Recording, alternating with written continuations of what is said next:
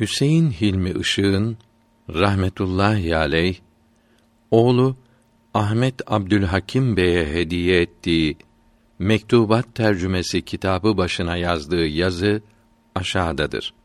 Bu kitap kıymetli ve sevgili oğlum Ahmet Abdülhakim'e hediyemdir. Oğlum, bu kitap süs eşyası değildir. Okumak, öğrenmek ve tatbik etmek için yazılmıştır. Bu kitap bir hazinedir. Dünyada bir benzeri daha yazılmamıştır. Senin gibi imanı bütün, ruhu temiz ve ahlakı güzel olan insanlar için yazılmıştır. Allahü Teala bu kitabı devamlı okumak ve feyz almak ve istifade etmek nasip eylesin.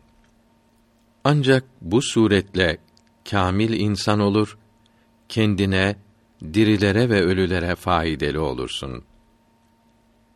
Baban Hüseyin Hilmi Işık. 3 Recep 1398 9 Haziran 1978 Cuma.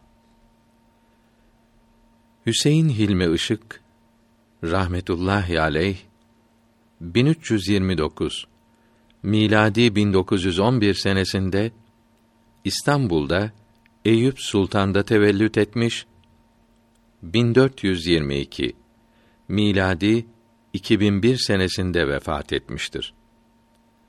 Eyüp Sultan'da Kaşgari dergahının yanında metfundur. Ahmet Abdülhakim Işık 1421 miladi 2001'de vefat etmiş olup babasının yanında metfundur.